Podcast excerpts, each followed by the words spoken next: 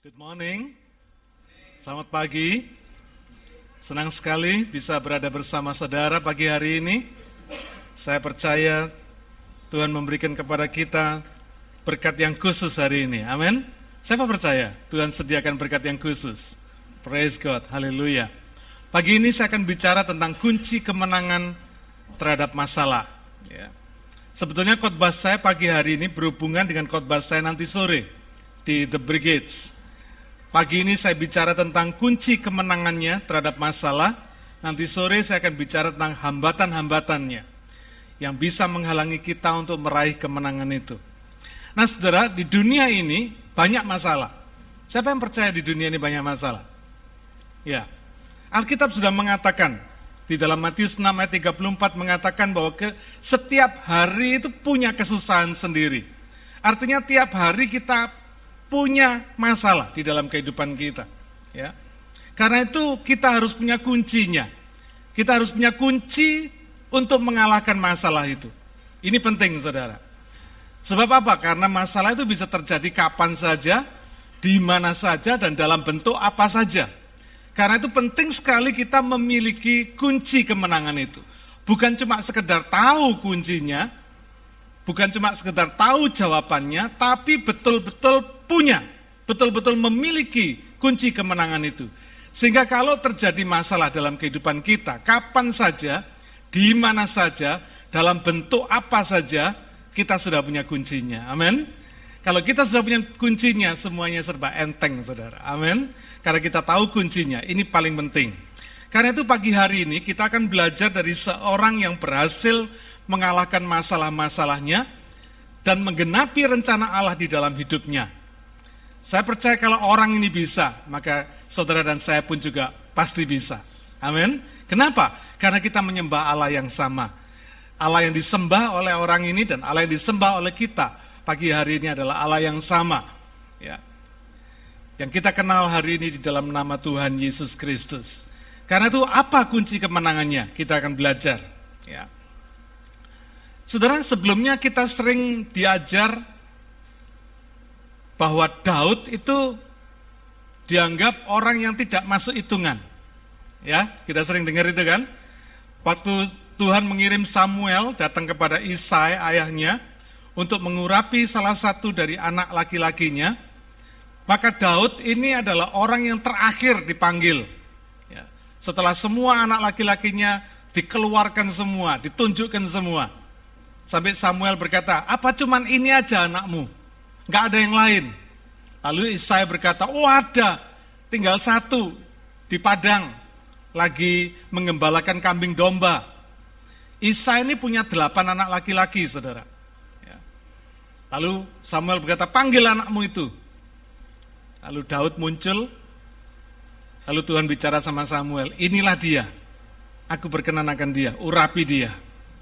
Saudara, kita sering diajar bahwa Daud ini orang yang tidak masuk hitungan. Yang mungkin tampangnya culun gitu saudara ya. Agak lolak-lolok dikit gitu mungkin ya. Wajahnya imut-imut, banteng, kemerah-merahan gitu. Nggak bisa perang gitu. Jadi kumpulannya cuma kambing domba gitu. Ini yang sering diajarkan kepada kita. Tapi semua pengajaran itu kalau kita nggak hati-hati membuat kita salah persepsi tentang Daud. Karena itu saya pagi hari ini ingin mengajak saudara dan saya perhatikan Alkitab dengan seksama. Supaya kita bisa tahu gambaran tentang Daud yang sesungguhnya. Kenapa? Karena kunci kemenangan yang pertama adalah miliki karakter positifnya Daud. Jangan ngikutin negatifnya. Ya. Negatifnya dia agak mata keranjang. Gitu ya. Tapi miliki karakter positifnya Daud. Ini kunci kemenangan yang pertama. Nanti kita akan belajar. Ya. Bagaimana gambaran Daud yang sesungguhnya. Kita baca 1 Samuel pasal 16. Ayat yang ke-13. 1 Samuel 16 ayat yang ke-13. Samuel mengambil tabung tanduk yang berisi minyak itu dan mengurapi Daud di tengah-tengah saudara-saudaranya. Sejak hari itu dan seterusnya, berkuasalah roh Tuhan atas Daud. Lalu berangkatlah Samuel menuju Rama. Saudara, ayat ini bicara tentang saat-saat ketika Samuel mengurapi Daud menjadi raja. Ya. Jadi kira-kira setelah tujuh anak laki-laki Samuel dipanggil, eh sorry, tujuh anak laki-laki Isai dipanggil, nggak ada yang diurapi, tiba-tiba terakhir ini muncul dari padang, masih bau kambing, bau domba gitu kira-kira. Lalu Samuel berkata, oh ini, Tuhan berkata ini, urapi dia. Lalu si Daud diurapi oleh Samuel di muka kakak-kakaknya. Jadi nggak heran saudara kalau kakak-kakaknya ada sedikit apa? Jealous gitu ya. Kita ngerti nanti kenapa ini bisa begitu nanti ketika Daud dalam peristiwa Daud menghadapi Goliat. Ya, kita akan bisa lihat di situ bagaimana kakaknya, tiga kakaknya yang paling gede juga menyangsikan Daud. Ya, Nah, saudara, di dalam ayat yang 13 ini dikatakan sejak hari itu dan seterusnya berkuasalah roh Tuhan atas Daud. Saudara, kalau roh Tuhan berkuasa atas seseorang, kira-kira orang itu apa tetap aja? Yang culun tetap culun gitu, yang lolak-lolok tetap lolak-lolok gitu ya. Yang IQ-nya setengah jongkok makin jongkok, kira-kira begitu. Kira-kira apa ada apa seperti itu? No, enggak, enggak bakal saudara. Saya percaya bahwa ketika roh Tuhan berkuasa atas Daud, maka terjadi perubahan, ada sesuatu yang berubah dalam kehidupan Daud. Amin. Kalau dia lemah, dia akan menjadi kuat dan perkasa.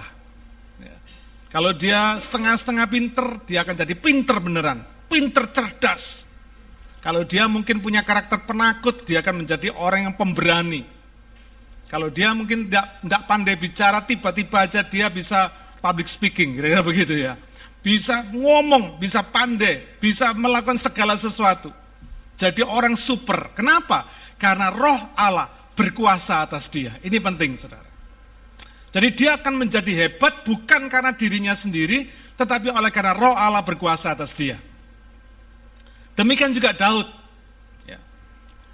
Bagaimana kita tahu Nah setelah itu, setelah peristiwa Daud diurapi oleh Samuel untuk menjadi raja, Daud kembali dalam kehidupan sehari-hari, yaitu bergaul dengan kambing domba. Lalu satu saat Saul membutuhkan orang yang bisa menghibur dia. Karena dia sudah ditinggalkan oleh roh Tuhan, dia mulai diganggu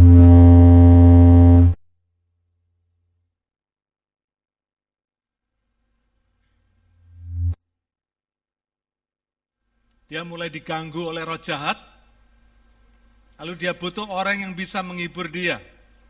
Jadi waktu dia diganggu oleh roh jahat, waktu dia galau, harus ada orang yang bermain kecapi.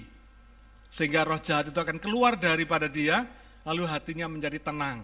Nah dia butuh orang seperti ini. Dia butuh cari orang yang profesional seperti ini. Lalu dia perintahkan hamba-hambanya untuk mencari orang seperti ini. Kita baca 1 Samuel 16 ayat 17 sampai 22. 1 Samuel 16 ayat 17 sampai 22. Berkatalah Saul kepada hamba-hambanya itu, Carilah bagiku seorang yang dapat bermain kecapi dengan baik, dan bawalah dia kepadaku. Lalu jawab salah seorang hamba itu katanya, Sesungguhnya aku telah melihat salah seorang anak laki-laki Isai, orang Bethlehem itu, yang pandai main kecapi. Ia seorang pahlawan yang gagah perkasa. Seorang prajurit yang pandai bicara. Elok perawakannya dan Tuhan menyertai dia. Ini gambarannya, saudara ya. Kemudian Saul mengirim suruhan kepada Isai dengan pesan, Suruhlah kepadaku anakmu Daud yang ada pada kambing domba itu. Rupanya trademark ada pada kambing domba ini melekat pada Daud, saudara. Kalau mungkin istilah sekarang dia bau kambing, bau domba, kira-kira begitu. Karena dia rupanya tidak bisa lepas dari kambing domba. Di mana pun juga Daud berada di sana kambing dombanya ada, kira-kira begitu. Ya, Tapi di sini kita bisa melihat ternyata Daud ini bukan orang culun. Bukan orang yang nggak bisa perang. Hamba Saul ini berkata, aku telah melihat Berarti dia sudah menyaksikan sendiri betapa Daud ini adalah seorang yang pandai main kecapi. Mungkin sebelumnya dia nggak pinter main kecapi, tapi ketika roh Tuhan berkuasa atas dia, maka Tuhan bikin Daud pandai main kecapi. Oleh karena itu saudara, kalau saudara merasa merasa diri saudara tidak bisa main musik, jangan berpikir itu terus. Percayalah bahwa ketika Tuhan berkuasa atas saudara, ketika roh Tuhan menguasai saudara, saudara nggak bisa main musik, bisa main musik saudara. Yang nggak bisa nyanyi, bisa nyanyi. Ya. Yang nggak bisa ini, nggak bisa itu, bisa segalanya. Ajaib saudara, karena Tuhan itu berkuasa atas seseorang, itu Tuhan itu tidak pernah meninggalkan kuasanya dan anointingnya, urapannya, berkatnya atas orang itu. Lalu kemudian ayat yang ke-20. Lalu Isai mengambil seekor keledai yang dimuati roti, sekirpat anggur dan seekor anak kambing, maka dikirim nyala itu kepada Saul dengan perantaraan Daud anaknya. Demikianlah Daud sampai kepada Saul dan menjadi pelayannya. Sudah lihat di sini. Habis diurapi jadi raja, caranya Tuhan luar biasa Sampai akhirnya Daud dikirim oleh Isai kepada Saul. Saul sangat mengasihinya dan ia menjadi pembawa senjatanya. Luar biasa saudara. Jadi kalau istilah sekarang dia akan menjadi ajudan pribadinya Saul. Karena orang yang bisa bawa senjatanya Saul itu mesti orang kepercayaan. Karena orang ini bisa bunuh Saul. Karena apa? Dia pegang senjatanya saudara. Saul tidak pegang senjatanya, dia pegang senjatanya, dia bisa bunuh Saul. Ya. Jadi Daud dikirim Tuhan sedemikian rupa sampai Daud ini bisa menjadi ajudan pribadinya Saul. Luar biasa ya. Sebab itu Saul menyuruh orang kepada Isai mengatakan, biarkanlah Daud tetap menjadi pelayanku, sebab aku suka kepadanya. Jadi mulai hari itu Daud rupanya diimport sama Saul. Masuk ke istana.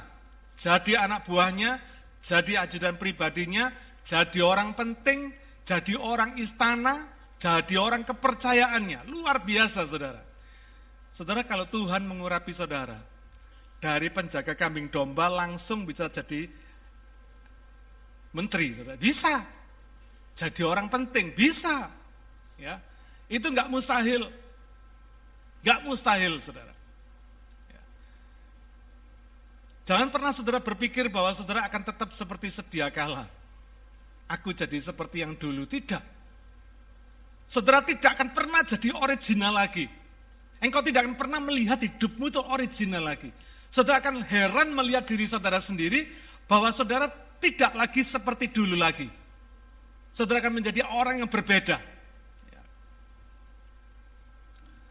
Nah setelah Daud diurapi dan roh Tuhan berkuasa atas dia, maka Daud menjadi orang yang profesional dan terkenal.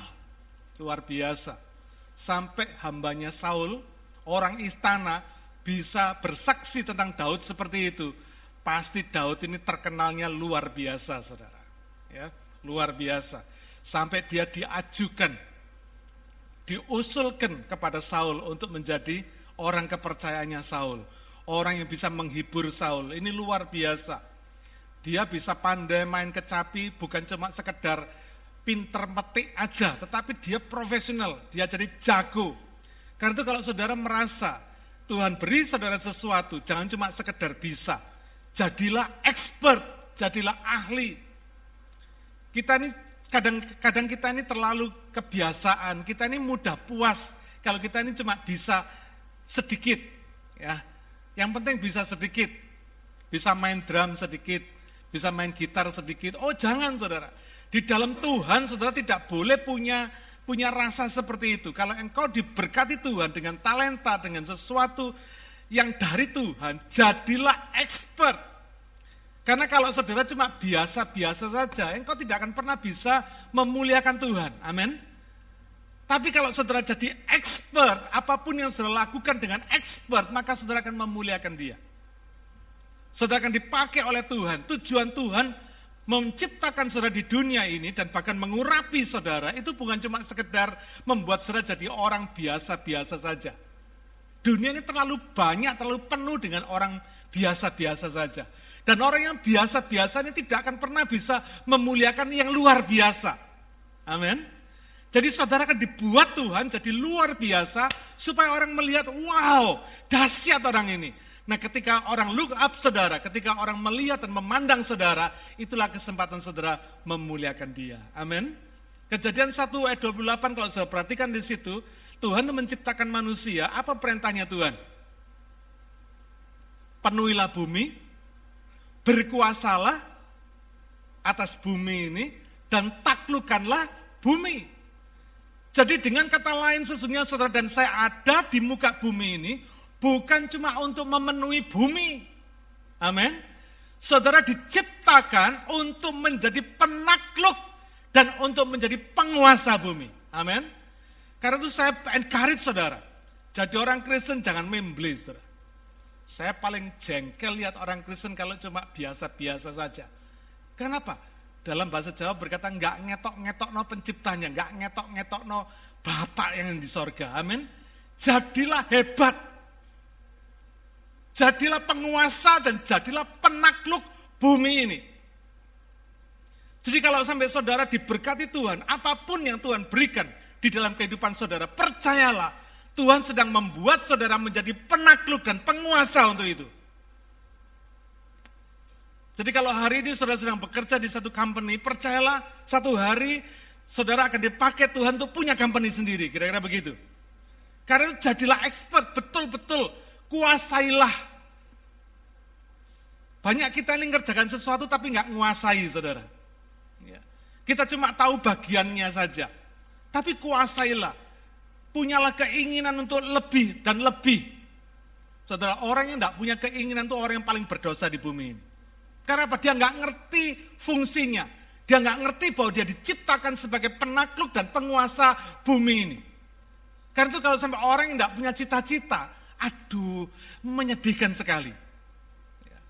Orang Kristen anak Tuhan harus punya satu keinginan, harus punya dream yang besar. Harus punya cita-cita yang besar.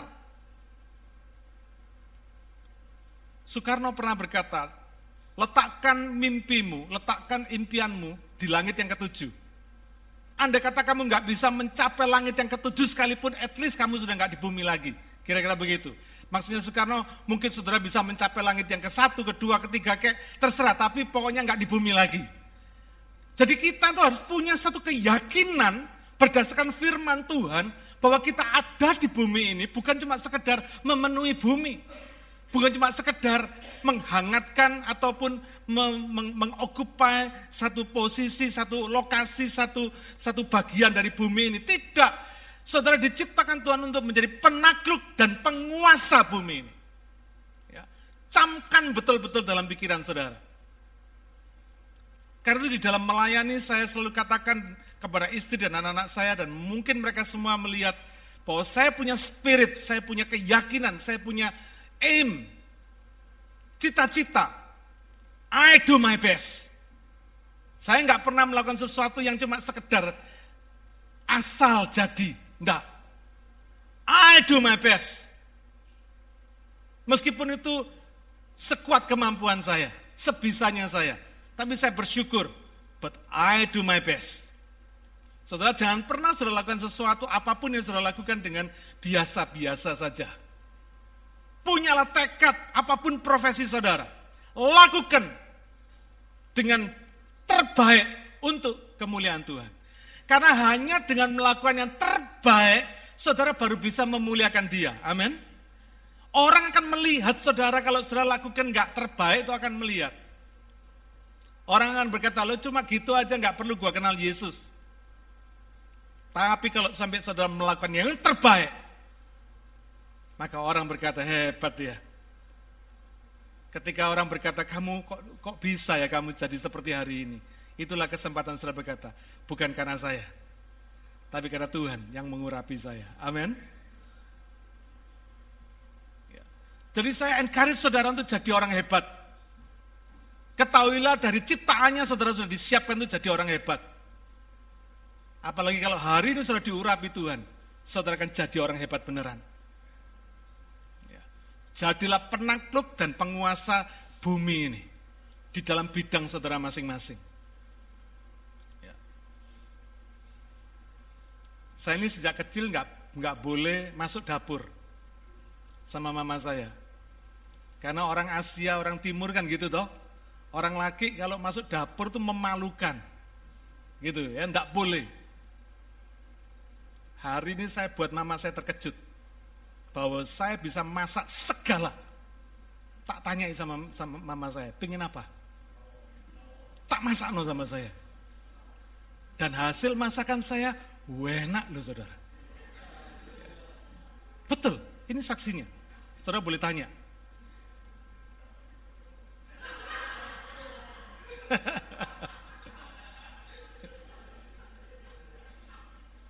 saya nggak ngiming-ngiming saudara. Tapi saya bersaksi dengan apa yang terjadi. Ya. Saya sendiri heran melihat diri saya, kok bisa saya masak? Saya bisa bikin bakpao, barusan ini saya bikin cakwe, bisa. Saya bisa masak soto daging Madura, saya bisa masak pastel tutup, saya bisa bikin segala macam yang mama saya terkejut sekali. Tidak pernah bisa mikir. Kenapa? Saya percaya ketika saya punya keinginan melakukan yang the best, Tuhan memberikan kepada saya anugerah. Amin. Memberikan kemampuan untuk saya bisa melakukannya. Karena saya punya keinginan the best. Bikin yang the best, saudara.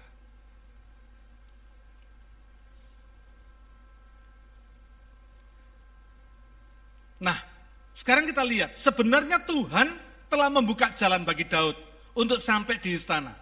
Ya, sudah lihat logikanya.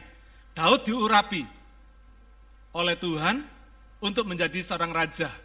Ternyata Tuhan juga membuka jalan supaya Daud bisa sampai ke istana. Caranya tadi sudah di, kita baca. Bagaimana akhirnya Daud sampai kepada Saul, sudah di istana. Ya, sudah jadi ajudan pribadinya raja, sudah hidup di istana, sudah jadi orang penting di istana, tapi heran, mengapa di dalam cerita Goliat seolah Daud ini adalah orang yang masih bau kambing domba. Ya.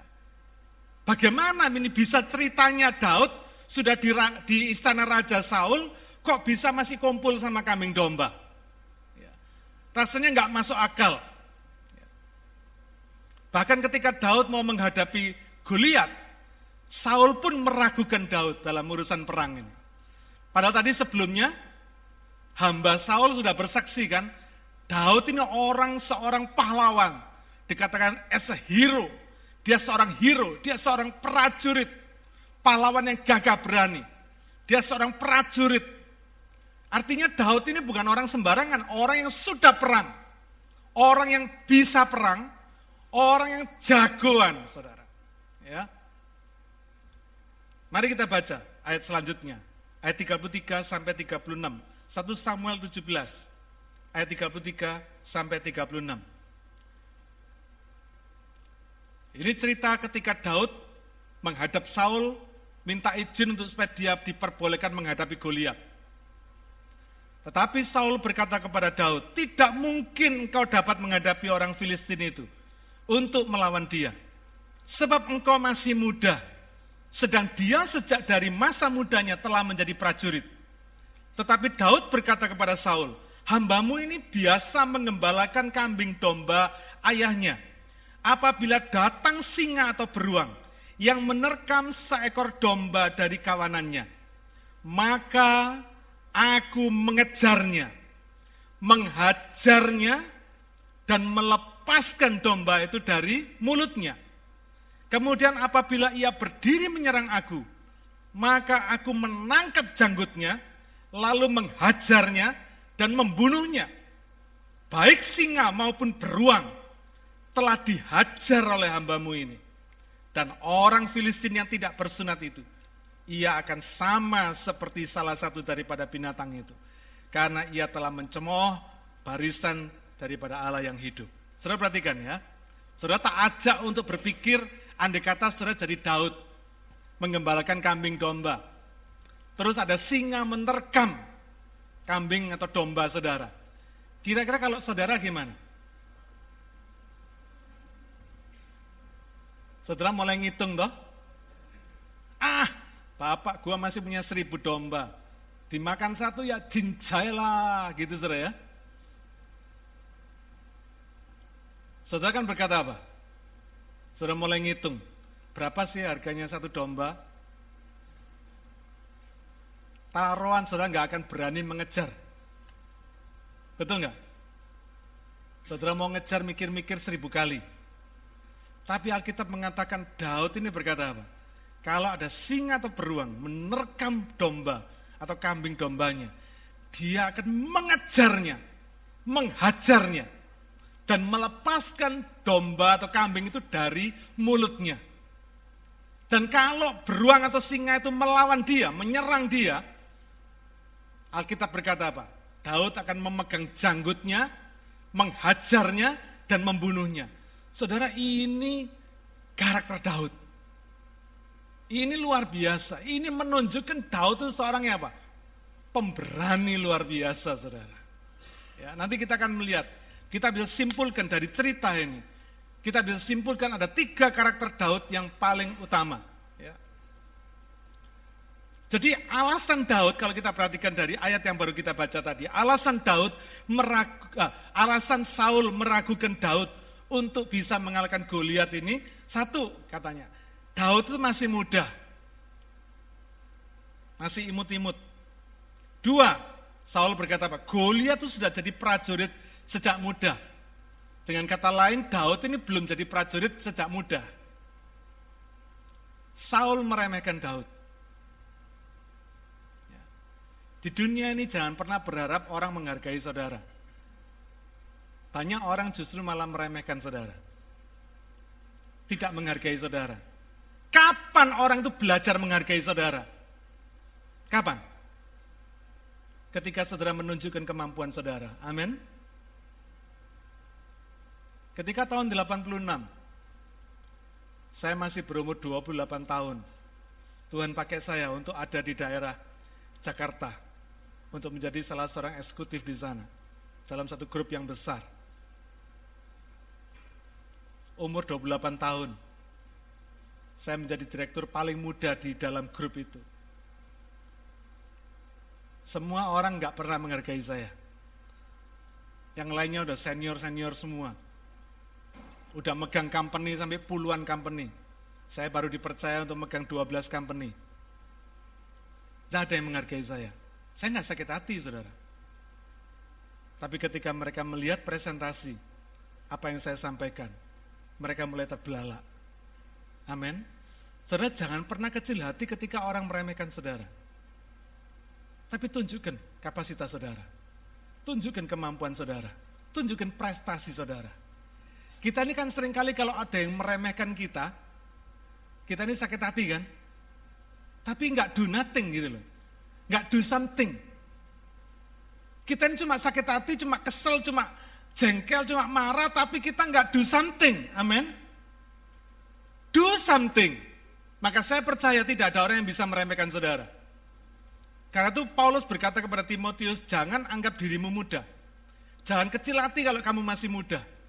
Biasa orang muda diremehkan itu biasa saudara. Tetapi tunjukkan prestasi saudara. Amin. Saya percaya ketika kita menunjukkan prestasi, Orang tidak pernah bisa meremehkan kita lagi. Amin. Jadi dengan kata lain, alasan Saul meragukan Daud untuk bisa mengalahkan Goliat ini karena dianggap Daud ini kalah pengalaman sama Goliat. Kalah jam terbang. Dan pengalaman itu butuh waktu, butuh jam terbang. Nah pertanyaannya sekarang, bagaimana Daud yang sudah hidup di istana bersama Saul bisa tetap ada di kambing dombanya. Ya, kita lihat di sini. Kita lihat hubungannya. Kita baca 1 Samuel 17 ayat 12 sampai 15. Ini agak flashback sedikit ke belakang dikit tetapi ini memberikan gambaran pada kita. Daud adalah anak seorang dari Efrata, dari Bethlehem Yehuda yang bernama Isai. Isai mempunyai delapan anak laki-laki. Pada zaman Saul, orang itu telah tua dan lanjut usianya. Ketiga anak Isai yang besar-besar telah pergi berperang mengikuti Saul. Nama ketiga anaknya yang pergi berperang itu adalah Eliab, anak sulung. Anak yang kedua ialah Abinadab. Dan anak yang ketiga adalah Syama. Jadi dari delapan anak laki-laki ini, tiga anak laki tertua sudah pergi berperang mengikuti Saul. Daudlah yang bungsu, ayat 14. Jadi ketiga anak yang besar-besar itu pergi mengikuti Saul. Ayat yang ke-15. Nah, ini menjadi kunci jawabannya. Sudah perhatikan di sini. Tetapi Daud selalu pulang daripada Saul untuk mengembalakan domba ayahnya di Bethlehem. Bahasa Indonesia ini kurang tepat. Bahasa Inggrisnya berkata demikian. But David went back and forth from Saul to feed his father's sheep at Bethlehem. Dari sini kita ngerti, jadi meskipun Daud ini sudah jadi orang istana, ternyata dia ini pulang pergi bolak-balik istana Bethlehem, istana Bethlehem. Dia pulang ke Bethlehem untuk mengembalakan kambing domba ayahnya. Selalu perhatikan coba, andai kata saudara jadi Daud, yang sudah jadi orang istana, lalu saudara kelihatan satu hari saudara bawa ransel mau pergi, mau pulang gitu ya. Saudara akan ditanya sama orang istana, lu mau ke mana Ut? Bethlehem. Ngapain ke sana? Gembalain kambing domba papa saya.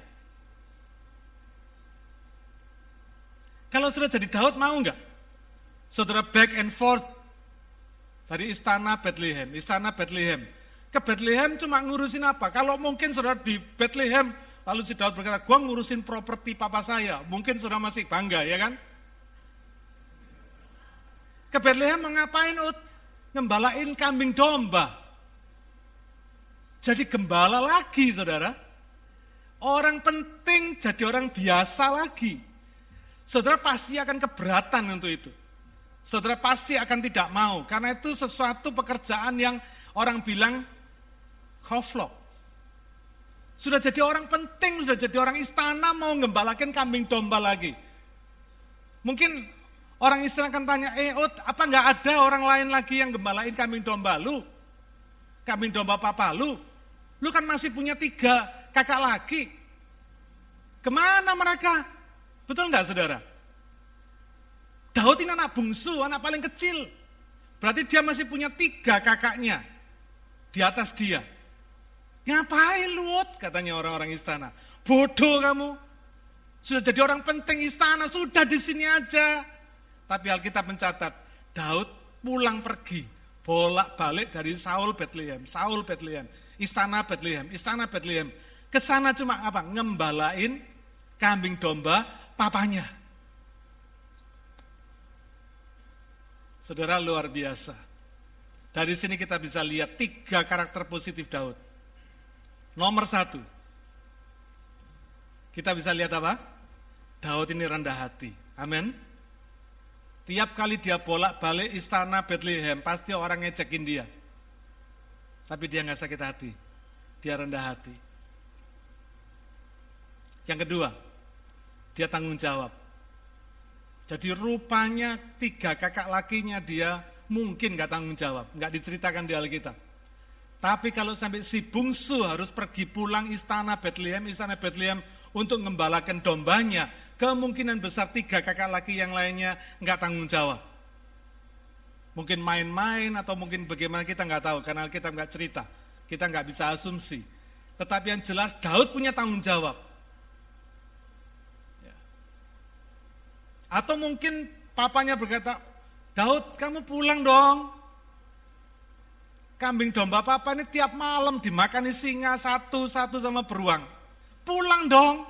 Jadi kemungkinan tiga kakak lakinya ini nggak berani saudara. Tiga kakak lakinya cuma tiap pagi lapor sama papanya, Pak lapor. Satu domba diambil singa semalam.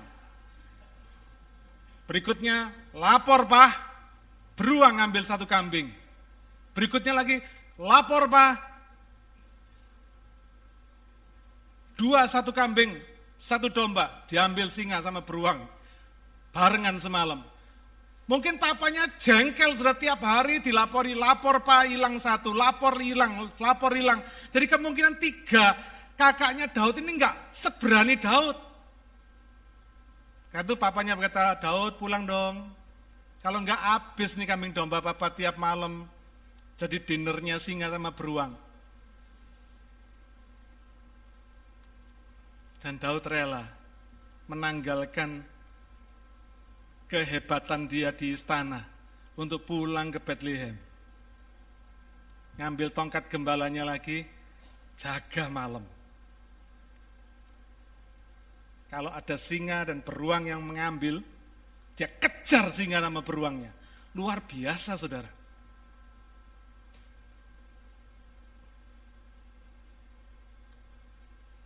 Saya baru pernah lihat satu master karate yang menghantam kepalanya banteng sampai mati, Masutatsu Oyama. Dia master karatenya Kyokushinkai. Itu aja orang sedunia sudah hormat.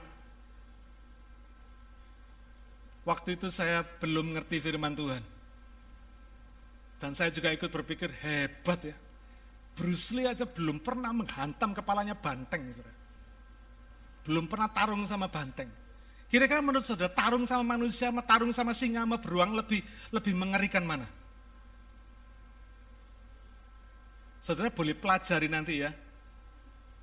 Buka kamu saudara di National Geographic atau apa. Coba pelajari. Saudara jangan berpikir singa itu cuman kelihatannya lucu, manis, bagus gitu aja. Wow, singa itu luar biasa, apalagi beruang, saudara. Ya. Pukulannya singa kalau buk, itu bisa enam kali pukulannya manusia, saudara. Apalagi beruang. Karena pukulan itu sesuai dengan berat masanya, masa tubuhnya. Itu luar biasa sekali. Dan kalau Daud berani mengejar singa, berani mengejar beruang itu. Daud ini luar biasa, saudara. Mungkin teman-temannya berkata, lu edan lu. Satu kambing atau domba itu biarlah ngapain lu kejar, gak worth it. Tapi hebatnya Daud, kita melihat karakternya yang luar biasa. Kita melihat karakter dia yang luar biasa, tanggung jawab. Saudara, yang ketiga karakter Daud apa? Berani. Tadi ya, rendah hati, tanggung jawab, berani. Coba saudara ulangi, kasih tahu kiri kanan saudara. Ingat ya, rendah hati, tanggung jawab, berani. Tiga ini aja saudara. Ya, tiga ini aja. Kalau saudara punya karakter Daud yang tiga ini, itu menjadi kunci kemenangan saudara. Sehingga saudara akan berkata kepada setiap masalah dalam kehidupan saudara, Sini, gua hadapi. Karena karena saudara nothing tulus. Saudara nggak takut gagal. Kenapa? Kalau berhasil saudara berkata karena kemuliaan Tuhan. Amin. Saudara punya kerendahan hati. Saudara punya tanggung jawab. Saudara nggak lari dari tanggung jawab. Banyak orang pada hari-hari ini mau lari dari tanggung jawab. Memang orang punya tanggung jawab itu nggak gampang, saudara. Tapi justru tanggung jawab itu merupakan cara Tuhan mengembangkan kapasitas saudara. Amin. Kita berkata kalau kamu setia dalam perkara kecil, Tuhan akan memberikan kepada kamu apa? Tanggung jawab dalam perkara yang besar. Jadi ternyata tanggung jawab ini merupakan tools bagi Tuhan untuk mengembangkan kapasitas hidup saudara. Jadi jangan pernah saudara berpikir mau mengurangi tanggung jawab. Artinya saudara siap mengecilkan kapasitas hidup saudara sendiri.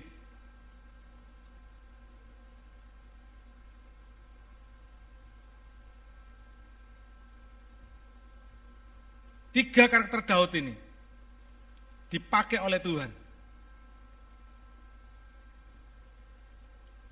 untuk menjadikan Daud di training, menjadi trainingnya. Di mana pun juga saudara berada, baik di istana maupun di padang seperti Daud. Kalau saudara punya tiga karakter ini, Allah akan mempersiapkan saudara dengan luar biasa. Jadi jangan pernah berpikir saudara jadi apa atau saudara bekerja apa dan sebagainya. Tapi percayalah, ketika saudara memiliki karakter ini, saudara akan dipakai oleh Tuhan. Karakternya akan dipakai Tuhan mempersiapkan saudara jadi orang hebat. Ya. Pertanyaan saya sekarang, apakah saudara punya karakter positif Daud ini. Tiga karakter tadi ya. Rendah hati, tanggung jawab, berani. Ini penting saudara. Kalau saudara tidak punya, latihlah diri saudara. Bagaimana latihan rendah hati? Sederhana. Saya punya satu prinsip yang sederhana. Mengalahlah sedemikian rupa sampai tidak ada lagi orang yang bisa mengalahkan saudara. Tahu nggak? Kita harus ngalah, mengalah sedemikian rupa sampai tidak ada orang yang bisa mengalahkan kita. Yang kedua, rendahkanlah diri saudara serendah-rendahnya. Sampai tidak ada orang yang bisa merendahkan saudara lagi. Kalau sampai ada orang yang bisa mengalahkan saudara, artinya saudara belum mengalah. Makanya masih perlu dikalahkan. Kalau sampai ada orang yang masih bisa merendahkan saudara, artinya saudara masih belum rendah. Kenapa? Masih bisa direndahkan kok. Itu latihan rendah hati. Yang kedua, bagaimana latihan tanggung jawab? Saya senang sekali karena Tuhan mengajarkan hal ini. Sederhana. Jangan pernah mengurangi tanggung jawab. Tapi siaplah untuk ditambahi tanggung jawab.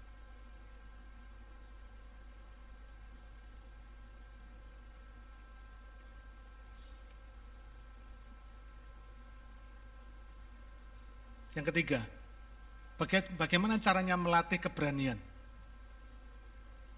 Lakukan apa yang belum pernah saudara lakukan. Itu caranya melatih. Karena kita ini belum pernah melakukan itu karena kita ini sering kali takut sama bayangan kita sendiri. Lakukan sesuatu yang sudah belum pernah melakukan. Lakukan sesuatu yang selama ini saudara takutkan. Apa yang kau takuti, lakukan. Kalau selama ini takut sama kecoa, kejarlah kecoa. Kira-kira begitu saudara ya. Ini cara yang sederhana. Saudara takut apa selama ini? Takut tikus? Kejarlah tikus. Carilah tikus, kira-kira begitu. Latilah sesuatu yang belum pernah saudara lakukan. Itu melatih keberanian. Saudara tidak ada obat berani itu tidak ada. Saudara telan blok langsung jadi berani. Kayak Daud itu tidak ada saudara. Yang ada itu latihan. Saya bersyukur karena saya punya pengalaman masa kecil yang kurang enak. Nakal saya telat. Karena waktu kecil saya nggak berani berkelahi. Jadi dibuat sansak buat teman-teman saya. Karena setiap kali saya berkelahi, mama saya yang antik ini akan memasukkan saya ke gudang. Nah gudang itu saya takut, kenapa? Ada kecoa di sana. Saya paling ngeri sama kecoa. Jadi sampai saya berumur hampir lulus SD, saya tuh takut, bukan takut nggak berani berkelahi, takut kalau berkelahi. Karena setiap kali saya mau melawan, setiap kali saya mau berkelahi, anak yang menyerang saya berkata, tak, bilangin mamamu. Langsung saya ngeper. Saya nggak takut sama dia, takut sama mama saya. Karena mama saya kalau masukin saya di sepen, di gudang, wah itu penjara mengerikan buat saya. Jadi saya telat, sampai selesai hampir SD selesai, saya tuh nggak berani berkelahi. Setiap kali mau berkelahi nggak berani, setiap kali mau berkelahi nggak berani. Jadi nakal saya terlambat. Tapi ketika saya mulai berani, karena saya punya pikiran, tiba-tiba Tuhan memberikan pikiran. Kalau saya gini terus, besok kalau saya punya istri, punya anak, terus istri anak saya diganggu orang, terus bagaimana? Saya mulai memutuskan untuk saya berani. Melakukan sesuatu yang selama ini saya tidak berani. Dan akhirnya kebablas. Ya. Saudara, saya bicara begini, saya saksi begini bukan berarti saudara harus ngikutin saya, enggak. Ini satu hal yang kebablas yang salah, jangan diikuti. Tapi yang saya maksudkan bagaimana melatih keberanian. Itu adalah melakukan sesuatu yang selama ini saudara tidak pernah lakukan. Itu melatih keberanian. Karena kita nggak berani melakukan sesuatu karena kita ini takut. Nah, yang ditakuti itu sebetulnya adalah bayangan aja. Nggak, nggak, nggak yang sesungguhnya nggak real. Cuma takut bayangannya. Mulailah melakukan sesuatu yang saudara tidak pernah lakukan. Dan lakukan sesuatu yang selama ini saudara takuti terjang saudara. Itu untuk melatih keberanian. Yang positif loh. Ya, saya selalu bicara konteksnya positif. Jangan dibablaskan jadi negatif, nanti salah semua. Ya. Dan kalau saudara punya, kalau saudara sudah punya tiga karakter ini, rendah hati, tanggung jawab, dan berani ini, siap-siaplah dipakai Tuhan seperti Daud. Amin. Kalau Tuhan bisa pakai Daud dengan karakter yang sama, kenapa Tuhan nggak bisa pakai saudara dengan karakter yang sama? Amin. Karena jelas di sini ya, prinsipnya yang pertama, kunci kemenangan yang pertama, miliki karakter positif Daud. Ini paling gampang. Jadi ketika sudah menghadapi Goliat, menghadapi masalah dalam hidup saudara, ingat Daud. Amin. Miliki karakternya Daud yang positif. Yang kedua, apa kunci kemenangan Daud? Miliki keyakinannya Daud. Jadi bukan cuma karakternya saja, tapi miliki keyakinannya, miliki imannya Daud. Seperti Daud. 1 Samuel 17 ayat yang ke-37. Pula kata Daud, Tuhan yang telah melepaskan aku dari cakar singa dan dari cakar beruang, dia juga akan melepaskan aku dari tangan orang Filistin itu. Kata Saul kepada Daud, pergilah, Tuhan menyertai engkau. Ini hebat. Jadi ketika Daud berhasil mengalahkan singa dan beruang, dia nggak tepuk dada, dia mungkin pulang, dia dikeploi, dikasih aplos sama papanya, dipuji. Kakak-kakaknya semua bilang, hebat lu. Teman-temannya para gembala berkata, dahsyat lu. Bisa berani lu ngejar beruang, berani ngejar singa. Hebat lu. Daud berkata, gua kok enggak. Daud enggak berkata, gua kok enggak. Dia berkata apa? Tuhan yang telah melepaskan aku dari cakar singa dan cakar beruang. Ini dahsyat, saudara. Saya percaya orang yang bisa memberikan kemuliaan bagi Tuhan, dia akan semakin dipakai oleh Tuhan.